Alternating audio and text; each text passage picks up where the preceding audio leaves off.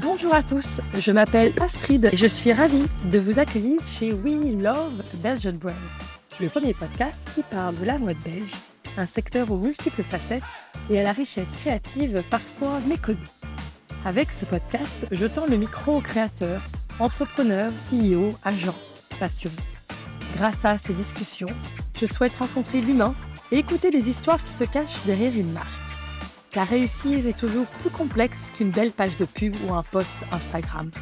Joie, difficultés, coup de chance ou sortie de parcours, monter sa maison de prêt-à-porter ou d'accessoires est un long voyage.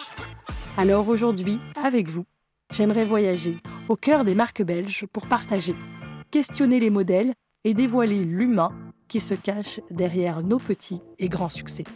Je vous souhaite dès à présent une belle écoute. Bonjour à tous. Ce matin, j'ai le plaisir d'avoir à mon micro une athlète, Olivia Borley. Médaille d'or en 2008 à Pékin, elle participe jusqu'en 2016 au JO de Rio, où elle portera le drapeau belge. Cette même année, elle lance avec son amie et coéquipière Elodie Ouedraogo sa marque de prêt-à-porter d'Activewear 4254, aujourd'hui rebaptisée Unrun. Dans le monde si concurrentiel de la mode, avec plus de 20 collections à leur actif, Olivia et Elodie peuvent être fières du chemin parcouru. En les rencontrant, grâce à mon activité de consultante, j'ai tout de suite découvert deux jeunes femmes sympathiques, chaleureuses, sincères et modestes. Elles aiment la mode, sont créatives et ambitieuses, mais elles savent aussi écouter, s'entourer et se remettre en question. Car leur célébrité n'est pas le seul ingrédient du succès. Run propose des collections au prix juste, à la qualité impeccable, au coût clean et confortable, et le tout produit en Europe. Afin de mieux découvrir l'univers d'Unrun, j'ai la chance d'enregistrer maintenant en français avec Olivia, puis de discuter pour un autre épisode en néerlandais avec Elodie. Ravie d'aller maintenant à la rencontre d'Olivia Morley. Je meurs d'impatience d'en savoir plus sur toutes les courses, toutes les runs qu'elle mène à vive allure, celle d'une entrepreneur, celle d'une créatrice, d'une sportive et d'une maman. Bonjour Olivia. Bonjour Astrid. Alors je commence toujours avec cette première question. Est-ce que tu peux te présenter en quelques mots et nous raconter ce que tu rêvais faire comme métier quand tu étais enfant? Euh, Alors me présenter en quelques mots. Euh, je suis une ancienne athlète. Comme vous l'avez dit, j'ai fait de l'athlétisme de mes 16 ans euh, jusqu'à mes 32. Euh, j'ai fait euh, plusieurs Jeux olympiques, des championnats du monde. Donc ça a été ma vie pendant, pendant 15 ans. J'ai en parallèle étudié à la Cambre pendant 3 ans en architecture d'intérieur et puis fait des études de stylisme en, cours du soir. Donc j'ai toujours été passionnée par la mode. Et alors, ben, tout l'aspect euh, familial est très très important pour moi aussi puisque je suis l'aînée d'une très grande famille, j'ai six frères et, une sœur. Euh, donc ça me, nourrit euh, énormément et ce sont des valeurs qui me tiennent terriblement à cœur. Et puis je suis depuis un an et demi aussi maman d'une petite Olga. Cool. Vous êtes sept enfants dans votre famille? On est huit, ouais. Donc on est cinq d'un premier mariage et ah, alors mes parents ont, chacun refait leur vie. Ma maman a un petit garçon, mon papa a deux petits garçons. Enfin, je dis petits, mais ils sont, ils sont grands maintenant. Ils, et toi, t'es l'aîné de toute Et je suis l'aîné de toute cette tribu, ouais, ouais. Ah ouais, incroyable. Ouais, bien sûr. on s'entend super bien, on a des liens euh, euh, très forts. Et, et, puis, bon, oui, avec euh, mes frères, évidemment, et, ma sœur. on a, on a fait de l'athlétisme à haut niveau aussi ensemble, puis avec mon papa qui a été mon coach, donc voilà, la famille est, très présente et, très importante. Et, je pense, euh, oui, euh, m'influence aussi beaucoup dans, positivement dans, la vie aujourd'hui. Et, dans ton parcours d'athlète, euh, la mode, la recherche du beau, c'était déjà, c'était déjà en parallèle ben, J'ai eu la chance d'être sponsorisée par Nike pendant toute ma carrière. et déjà, je trouvais ça génial.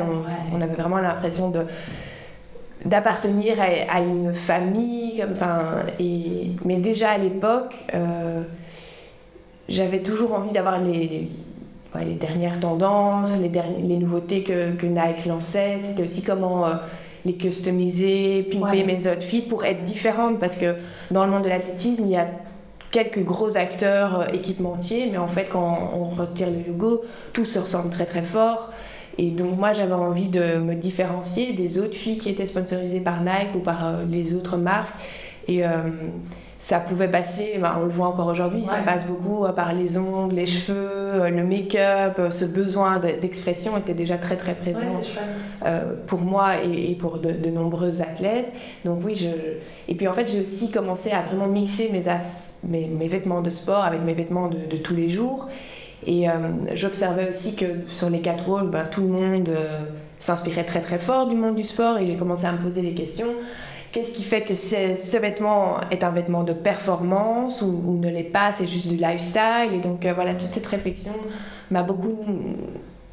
Ouais, enfin pendant quelques années quand même, je, je me suis posé beaucoup de questions, je me suis beaucoup nourrie et, et ça a été cette danse. Du coup, de lancer mais j'ai toujours rêvé de ça, même, euh, même petite. tu, tu, me demandais euh, de quoi je rêvais petite. Euh, j'avais, je suis passée par plein de, d'envies et de rêves.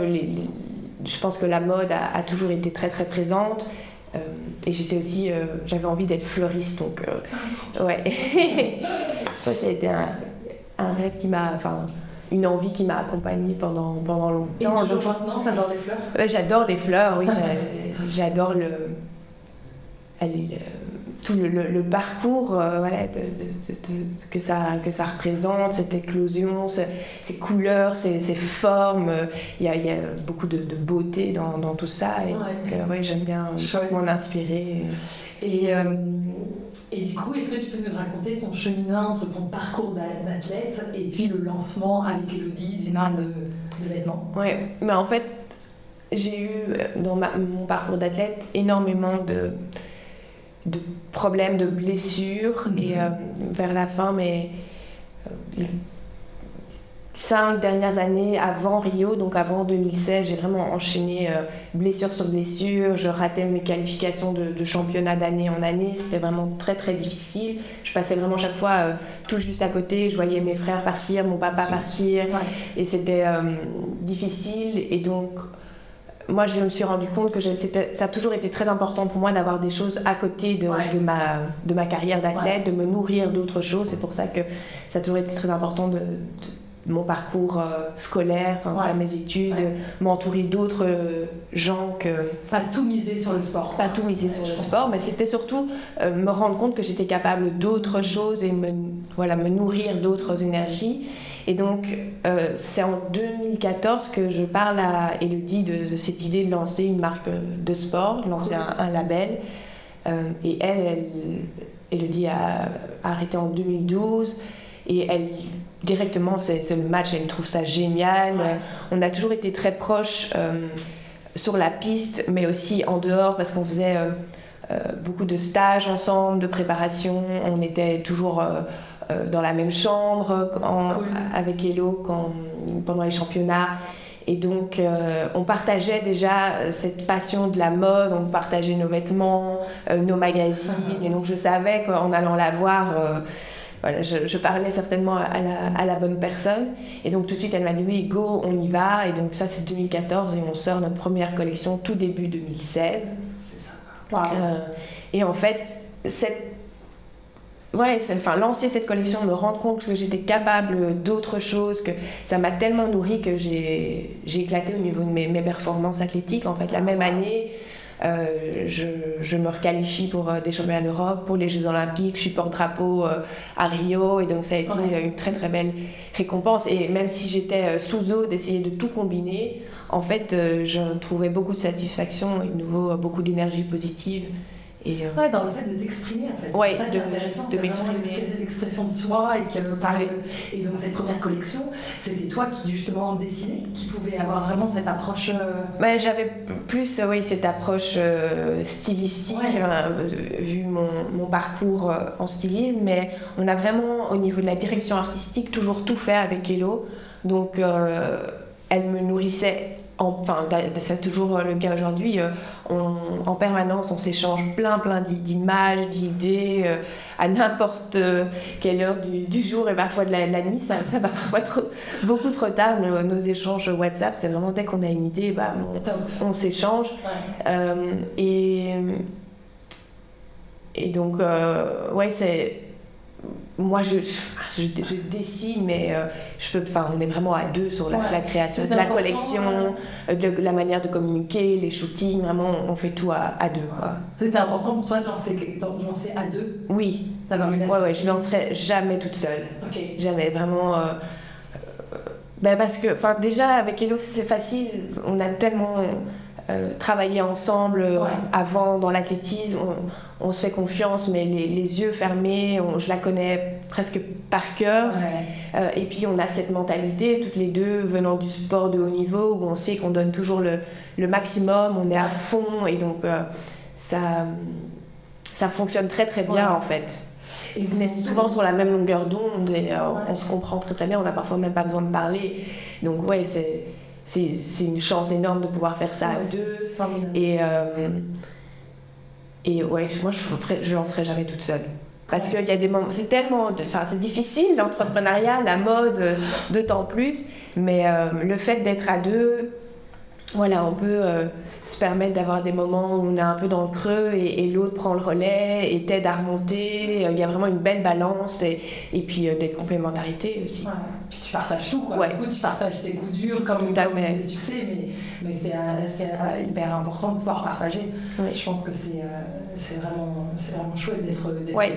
Et ça se ressent d'ailleurs que vous vous entendez bien, que vous êtes faire de la longueur Oui, on est très complices. très, Même si on est très différentes. Euh. Ouais, ouais, ouais. On sent deux univers qui se nourrissent l'un et l'autre, quoi. Tout à fait. Ouais, c'est chouette. Et, euh, et, donc, du coup, vous lancez en 2016 cette première collection. Vous, vous avez des fonds personnels. Vous faites comment? Ouais, on a un petit peu de fonds personnels. Après, bon, voilà, on vient de l'athlétisme, on n'a pas grand-chose, mais on a mis effectivement un petit peu d'argent de côté. Et euh, donc, on a investi euh, cet argent-là pour les premiers, premières collections. Ah ouais, faire un logo. Ah enfin, c'est quand même très vite un petit budget quand même à mettre sur la ouais faire un site c'est vite un petit budget à mettre sur la table. Et après, euh, très vite, euh, on se rend compte aussi qu'il y a moyen d'aller euh, chercher des subsides, de l'aide, que voilà, l'entrepreneuriat sur Bruxelles et en, Belgique est malgré tout bien soutenu, mais il faut savoir voilà, par, par où aller, quelle porte ouvrir. Et, Ouais, tout à fait. Et donc on est quand même six ans plus tard, et donc vous êtes toujours là. Ce serait quoi pour toi les, les milestones, les, les, moments clés justement entre 2016 et 2022 pour Unrun? Ouh là là. Euh... Ben, je dirais euh, le, jour où on est rentré, euh, ben, voilà, d'avoir la première collection évidemment, d'avoir euh, déjà réussi à trouver des fournisseurs, des usines. Enfin, c'était pas gagné. Bah des usines de qualité, des tissus de qualité, surtout quand on est dans le dans le monde du sport, euh, la fonctionnalité du vêtement est encore plus importante. On n'a vraiment pas droit euh, à l'erreur. Donc euh, je pense avoir abouti, abouti cette première collection qui était déjà... bon, il y a plein de choses que je referai évidemment différemment aujourd'hui, mais qui était vraiment une très très belle collection, très cohérente et performante. Donc ça, c'était vraiment évidemment le premier milestone. Et puis le fait d'aller à l'international, de trouver un showroom, euh, un très gros showroom euh, comme Tomorrow Showroom, euh, qui nous a représenté pendant quand même 4-5 saisons. Ça, ça a été un, gros step pour la marque, pour pouvoir être représenté au niveau international. On avait des boutiques et on en a encore quelques-unes aujourd'hui, mais c'est une autre histoire avec, avec le Covid qui est arrivé, mais vraiment partout dans le monde. Donc ça, c'était un moment très important. Et puis, ben, le Covid euh, a quand même eu euh, du bon. Il nous a permis de nous remettre en question et d'affiner euh, pas mal de, choses au niveau de la marque, notamment d'aboutir sur ce rebranding. mais c'était aussi de repenser le site internet parce qu'on n'était pas du tout active mm-hmm. sur cette partie online. On, était vraiment sur une stratégie beaucoup plus basée sur le, le retail, le wholesale. Euh, donc ça, ça a été un, milestone important aussi, de, prendre soin de notre site internet et d'être en contact beaucoup plus direct avec euh, nos clientes. Et donc, de, ça nous a vraiment permis d'affiner euh, notre produit et, nos messages, comme je disais, donc pour aboutir sur le rebranding et, et, un run qu'on a effectué il y a un an maintenant. Et qu'est-ce que vous avez appris qu'est-ce que vous apprenez sur vos clients, sur votre client final? Elles sont en attente de quoi? Bah, euh, c'est d'apprendre euh, qui est notre cliente vraiment. Donc, euh, est-ce qu'elle fait du sport? Est-ce qu'elle porte plus le, vêtement à la vie de tous les jours? Est-ce qu'elle le mixte quelle, est, quelle est sa tranche d'âge? À quel rythme elle achète des vêtements de sport? Est-ce que le côté écologique, durable est important pour elle. Donc, c'était vraiment d'affiner tout ça pour pouvoir affiner nos messages et aller toucher la, la, bonne clientèle et prendre soin de, de nos clientes aussi en comprenant mieux ses, attentes. Est-ce qu'elle fait euh, du sport une fois, deux fois, trois fois par semaine? Et euh, voilà, d'être juste dans, dans, le produit qu'on qu'on propose. Et c'est d'ailleurs pour moi une des vraies forces de Unrun. C'est justement que vous alliez ce côté hyper euh, performant, euh, avec euh, la possibilité d'habiller des grandes athlètes et vraiment qui une grande technicité sur le produit, sur les coutures, et vous testez vous-même comment la pièce peut être portée. Et en même temps, la possibilité de le porter tous les jours, dans le quotidien, d'avoir ce confort et ce côté bah, esthétique, beau, des belles pièces, des belles matières, et puis stylé. Quoi. Oui, c'est vraiment ce qu'on essaye. Ben, nous, on a eu la chance euh, en tant qu'athlète de, vivre euh, presque 24 sur 24 dans nos vêtements de sport et c'était difficile de, s'en détacher. Et en même temps, ça correspondait plus vraiment euh, à nos envies mode. Et c'est pour ça qu'on avait envie d'apporter quelque chose de nouveau dans le vêtement de sport, de ramener du fun aussi. On s'inspire énormément des années 80. On a l'impression que les athlètes osaient tout, autant sur la piste qu'en dehors. Et donc on avait envie de ramener. Oui, beaucoup moins, beaucoup moins. Enfin, maintenant, ça, avec les réseaux sociaux, on sent qu'il y a de nouveau cette envie de, s'exprimer, de se différencier, mais ça reste encore beaucoup trop sage. Ça euh, donc voilà, on essaie. dans les années 80, les, athlètes étaient plus expressifs Oui, beaucoup plus. On voyait par exemple une Flojo euh, avec des catsuits, avec une jambe, avec de la dentelle. Bon, après, ce n'était ah, pas toujours euh, le plus performant, mais je pense qu'on sous-estime euh, l'importance de la confiance en soi, euh, ce que ça peut apporter sur une performance en dehors d'un euh, d'un vêtement complètement aérodynamique. Il ne faut pas sous-estimer cette partie-là. Ouais, et puis donc c'est ça quand on essaye. hyper belle, ouais. dans lequel tu te sens justement.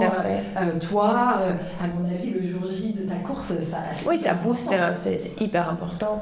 Et donc nous, on avait envie de ramener cette offrir quelque chose de, nouveau, de différent, de glamour et féminin euh, et d'avoir ce twist sur chaque pièce pour pouvoir euh, le porter à la vie de, tous les jours. Mais donc ça veut dire aussi des matières performantes, mais des belles matières, euh, d'être vraiment quand on dessine, le but premier c'est la fonctionnalité, mais après c'est le, design et le, choix. On, on, source vraiment chaque détail, donc chaque tirettes, petits boutons, euh, chaque matière est, choisie euh, avec soin par nous pour justement euh, se permettre ce, petit twist et ce côté plus chic qui n'est pas toujours associé aux, vêtements de, sport, mais c'est vraiment ramener ce, confort et, montrer qu'on peut être belle, euh, chic, euh, glamour, féminine dans un vêtement. très joli en français, tu sais, empouvoirment, ouais. qui est assez juste, je trouve, avec Unrun. Moi, quand je vous ai rencontré, je préparais déjà depuis le mois de mai mon marathon, et le fait de me dire, attends, je vais porter des beaux vêtements, ce rose hyper flashy, le jour de ce marathon qui était pour moi un big day, quoi. Et ben vraiment, ça, enfin, ça vraiment, ça m'a donné des ailes.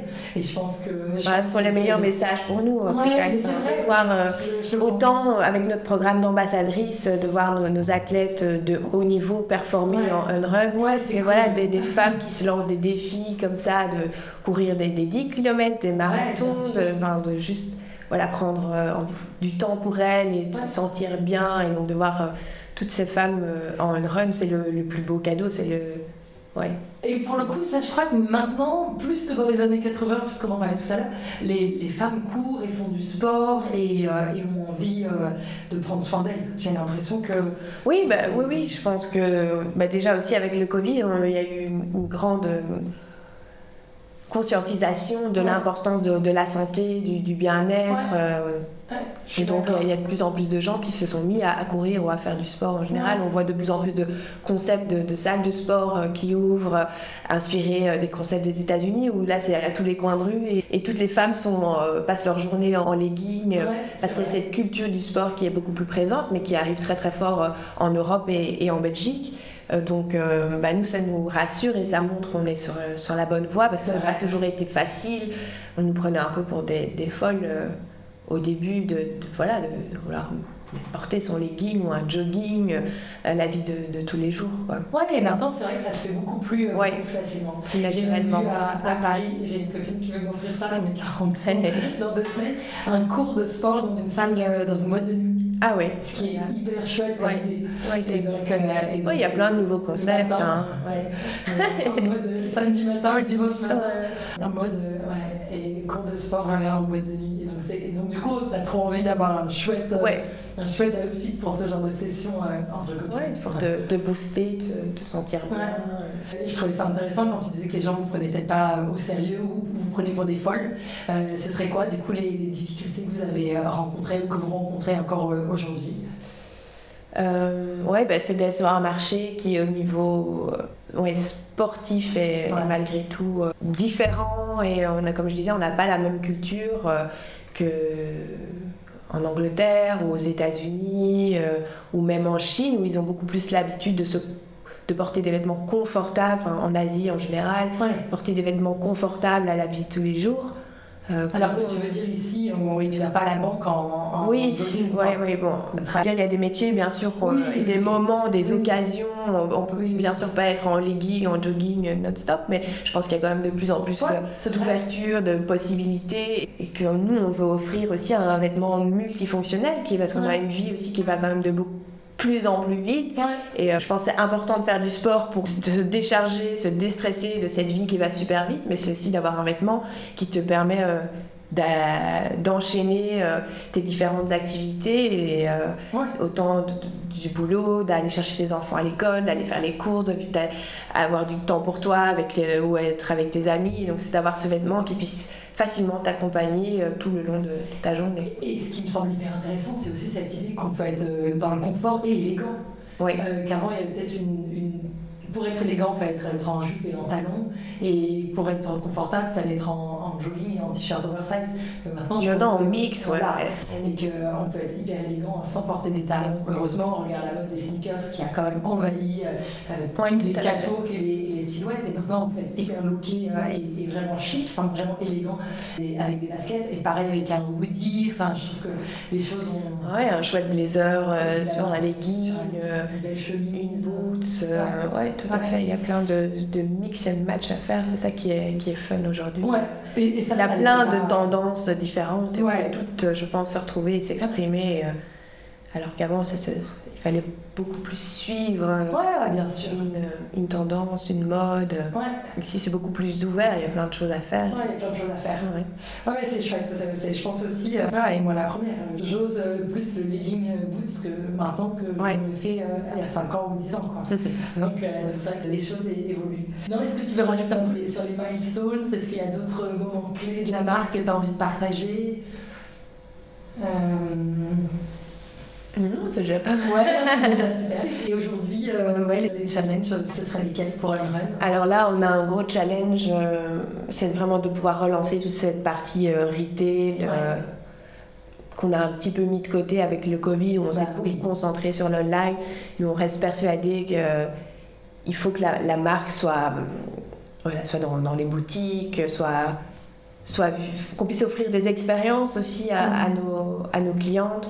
Euh, et c'est parfois difficile d'offrir ça juste avec de l'online, mais qu'elles puissent euh, se rendre dans des, des points où elles, peuvent retrouver la marque et vivre des expériences avec la marque, que ce soit par des pop-up, euh, des points de vente permanents. et puis pour aller à l'international, je pense que c'est aussi important, enfin, important de, de passer par le, le physique pour donner confiance et donner de la crédibilité aux, aux, acheteurs et, et, à la marque. Donc, donc ça, c'est le gros challenge là maintenant, c'est qu'on repart euh, euh, sur les présentations en Fashion Week à partir de janvier 2023. Super. Et, euh, et oui, les, les, challenges sont permanents, surtout dans la mode, c'est jamais, c'est jamais acquis. C'est parce qu'une collection va bien que, que ça ira bien pour la, la suivante. Donc c'est une remise en question oui, constante. Et tu as l'impression que, que, tout est nouveau, tout est à apprendre, tout est à découvrir ou que quand même ta carrière Non, bah, je pense que c'est plus facile maintenant aussi quand on crée une collection. Euh, déjà, on, a nos best-sellers, euh, on a des quantités de ventes maintenant qui font qu'on peut quand même plus facilement euh, comprendre et prendre les attentes et, et prendre des directions en, sans prendre trop de risques. Après, c'est toujours guidé de, sur quelques pièces de, prendre des risques et de lancer des nouveautés, voir comment ça va être reçu. Mais euh, c'est plus facile aujourd'hui. Mais euh, ouais, enfin, ça... ouais, ouais, chaque, chaque saison, chaque pièce est une, ouais, prise de risque. Super. comme tu sais, ce podcast parle de la mode belge. Ce serait quoi pour toi la mode belge? Euh, alors, il y a plein de créateurs que j'adore, autant des plus anciens que les nouveaux euh, aujourd'hui, euh, que ce soit un Dries Van Noten, un, Margiela, et un Glenn Martens aujourd'hui. Ouais. je suis vraiment passionnée par, par son travail. Euh, une Esther Manas aussi, que je suis vraiment impressionnée du parcours qu'elle fait là depuis quelques années et des, messages qu'elle lance dans, dans le monde de la mode. Bah, c'est beaucoup de fierté de, de voir les, les couleurs euh, qui sont portées, les couleurs de la Belgique qui sont portées très très haut au niveau euh, international, que pour nous c'est quand même une porte d'entrée aussi quand on dit qu'on a un, un label euh, belge, tout de suite les gens nous prennent avec beaucoup plus de, de sérieux. Donc, C'était ma question en effet, et, pour vous, Unrun c'est une marque belge, oui. Oui. et qu'est-ce que ça veut dire et, et est-ce que ça, ça a du sens pour vous? Bah, on a un héritage qui est très très lourd et donc on a envie de, bien sûr de bien faire les choses, surtout que venant du monde du sport on a porté aussi les, couleurs belges au plus haut niveau, on a envie de continuer à, le faire à travers notre label. Et euh, c'est pour ça qu'on a un point d'honneur à continuer à travailler avec euh, des, tissus belges. On ne peut plus produire ici, mais au début, c'est vrai qu'on a pas mal produit ici et on s'est rendu compte de l'industrie euh, mm. qui est encore très performante et présente euh, ici en, en Belgique. Euh, il y a vraiment tout un savoir-faire, euh, une main-d'œuvre énorme. Et donc, oui, enfin, on a vraiment un très très beau patrimoine à, à, préserver et, qu'il faudrait rendre parfois plus, plus accessible, malheureusement, qu'il y, a des certaines. En tout cas, c'est évident, qui sont en train de... de gage de qualité. Oui, clairement. De qualité. Gage de qualité, d'exigence. Euh, quelque chose d'assez euh, épuré malgré mhm. tout. Je euh, pense aussi. Ouais. toujours un petit côté surréaliste, vraiment avant-gardiste. Ouais. ouais. Ouais, ouais, tout à fait. Je pense qu'il y a beaucoup de ça et ça se retrouve aussi dans vos, dans vos collections et dans votre univers. Oui, oui, bah, je pense. c'est parfois difficile.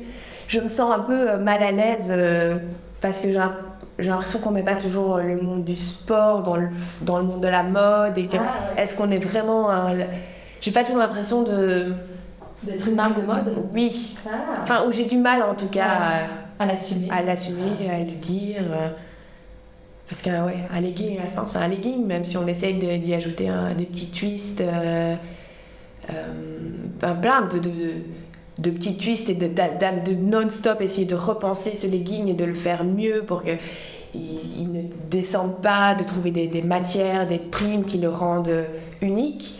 Euh, j'ai l'impression parfois à côté de grands euh, manteaux et de vestes avec plein de, de, travail. et de découpe et, euh, que parfois ouais voilà j'ai tu te sens toute petite. Ouais, tout à fait. bah, c'est ouais, tout à ton honneur, cette, euh, cette, modestie, mais en fait, je trouve que la mode, euh, j'aime bien l'imaginer qu'un grand M et me dire qu'il y a tout, quoi. Parce que ces, ces manteaux, comme tu mentionnes, euh, ces pièces assez exceptionnelles, en couture, elles sont aussi extraordinaires que, que pas forcément si vendues que ça ou si portées. Et je trouve que la mode, c'est aussi, c'est aussi ce qu'on porte tous les jours. Et, et c'est génial de trouver cet équilibre, justement, entre faire rêver et puis, euh, et puis la vraie. Euh, oui, que ce soit portable. Ouais, euh, ouais, tout à fait. Mais oui, mais enfin, je pense que ces créateurs de, dont, je parlais ont ces, ces pièces exceptionnelles et, créatives et, et, puis voilà des, des déclinaisons plus, plus métal. Mais c'est vrai que j'aimerais bien parfois pouvoir me lancer dans, dans des choses plus, ouais, plus osées, créatives, enfin différentes. Ouais. T'adorerais faire un défilé par exemple, ce serait une sorte de oui, enfin, on a déjà fait euh, plusieurs défilés avec la marque, mais oui, ça, ça me plairait euh, de créer une collection vraiment en sachant qu'elle va défiler à la fin et d'avoir ces pièces euh, plus exceptionnelles. qu'on peut aussi porter et venir habiller le vêtement de sport. C'est comme ça qu'on conçoit quand même aussi la marque, c'est d'avoir ces pièces life plus lifestyle qui viennent permettre aux vêtements de sport de sortir des salles de gym, des pistes d'athlétisme. Ouais. Mais c'est sûrement possible. Et quand tu parles des, athlètes qui aujourd'hui essayent euh, de se différencier ou de se faire remarquer, euh, du coup, tu pourrais imaginer, euh, je sais pas, ouais, des leggings avec des imprimés très très forts. oui, oui, bah, c'est ce qu'on essaie déjà de, de, faire, de travailler au niveau des imprimés, des, des, matières. Puis il y a aussi tout ce côté sustainable, enfin durable, qui est très important aussi pour nous. Donc c'est aussi essayer de chercher des matériaux plus écologique, mhm. que ce soit dans le recyclé, on a un set biodégradable. Donc c'est aussi amener de l'innovation dans ce sens-là. et d'être euh, et je pense que les athlètes sont fiers aussi de pouvoir courir dans des vêtements euh, et tout est mieux en Europe mieux aussi, oui, oui, les matières, la production. Euh, c'est important aussi, je trouve, de pouvoir garantir une production plus locale en évitant des coûts de transport. tout à fait. Donc ça aussi, euh, c'est tout à votre honneur euh, de prendre ça. Oui, on fait très attention à cet aspect-là aussi. Ouais, c'est super. Qu'est-ce que tu conseillerais justement à quelqu'un qui se lance? Bah moi, si je devrais recommencer, je pense que peut-être je me lancerais déjà avec une plus petite euh, collection, de vraiment au début être focus sur un ou deux produits et pas essayer d'offrir quelque chose de trop grand et de trop large qu'on ne sait pas toujours maîtriser. Ouais. bon conseil. Ouais, de vraiment faire un... En même temps, si ton offre est trop petite, tu vite Oui, oui, oui, mais je pense que c'est euh, important de, de, bien maîtriser son, son produit mm. avant d'élargir euh, la gamme que de vouloir faire tout à moitié en fait. Donc d'avoir euh, comme ça deux, trois produits où tu as été très en profondeur et tu es sûr de, de ton offre, que tu peux offrir la qualité, que tu, puisses, tu peux suivre au niveau de la production. Parce que quand tu as des très grandes productions, bah, souvent tu peux pas travailler avec une usine, tu dois avoir deux, trois usines et il faut déjà avoir une sacrée équipe avant de réussir à gérer tout ça. Donc, euh, moi, je travaillerai avec une, deux usines en fonction des spécificités de ce qu'on veut offrir pour aller suffisamment profondément au niveau, au niveau de, de l'offre et, de la qualité surtout et de pouvoir suivre après euh, tout ce qui est livraison. Euh, auprès des, boutiques ou même sur les shops de ne pas se retrouver avec des out of stock en permanence parce que on perd vite, on, décourage vite les, les clients potentiels. Euh, donc euh, je dirais ça, avoir un très bon business plan aussi, parce que ça va vite euh, au niveau financier, bien s'entourer. moi, je, comme je dirais, je ne me lancerai pas toute seule, mais j'essaierai d'avoir au moins une personne complémentaire pour, pour se lancer et ouais, bien, bien comprendre son marché et sa cliente à qui on veut parler. Parce que ça, c'est la communication, c'est hyper important, surtout aujourd'hui avec les réseaux sociaux, etc. Euh, il y a tellement de choses, on est tellement euh, envahi et nourri de plein de choses différentes. C'est comment se différencier, comment amener un nouveau message, un nouveau produit euh, et, sortir du lot, quoi. Donc c'est par la, en touchant la bonne cible, la bonne niche et avoir la bonne communication. Ouais. Super intéressant, je pense que c'est des très très bons conseils que tu donnes là. Super chouette. On en a déjà un peu, euh, un peu touché les personnes et j'aime bien terminer euh, avec cette question-là, qui, est, euh, qui sont des personnes dans la mode belge qui t'inspirent et que tu souhaiterais écouter à ce micro. Ah mais je disais pour le moment Esther Mana, c'est vraiment une créatrice qui m'inspire beaucoup, qui qui a pas peur et qui ose changer les dictats du, monde de la mode. Et, Il fallait il fallait oser. Il y a, je sais pas, elle a, lancé son, son, label il y a 4-5 ans maintenant. Euh, il fallait oser prendre euh, ce qu'il a et elle le fait d'une manière euh, tellement juste et, belle et la manière dont elle met le corps de la femme, tous les corps de femme en valeur.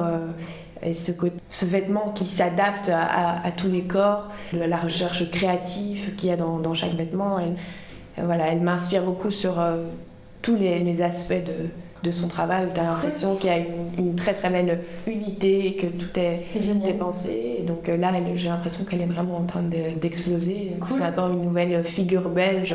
redis encore son nom Esther Manaz. Esther Manaz. Ok, super. Je vais euh, découvrir ça parce que je suis pas sûre que je vois qui c'est. Elle sort de la cambre. Ok, ok. Super, bah merci. Euh, comme petite euh, explication de, créateurs qui sont euh, inspirants. Euh, est-ce que tu veux ajouter quelque chose? Non, c'est un plaisir ah. voilà, de, partager un peu de, mon parcours et j'espère que ça pourra en inspirer d'autres. Bah, merci à toi Olivia, j'en suis sûre. Merci à toi. Et puis longue vie à Unrun. Mais oui, oui, oui. Merci. À très vite. Merci beaucoup d'avoir écouté cet épisode jusqu'au bout. J'espère qu'il vous a plu. Et si c'est le cas, je vous invite à le partager et à le noter de 5 étoiles, car ça m'aidera beaucoup à le faire gagner en visibilité. Si vous avez des personnes à me proposer, des projets à mettre en lumière, des questions à poser, n'hésitez pas à me retrouver sur ma page Instagram, oui, underscore, love, underscore, Belgian, underscore, brands. Et je vous dis à dans 15 jours pour un prochain épisode.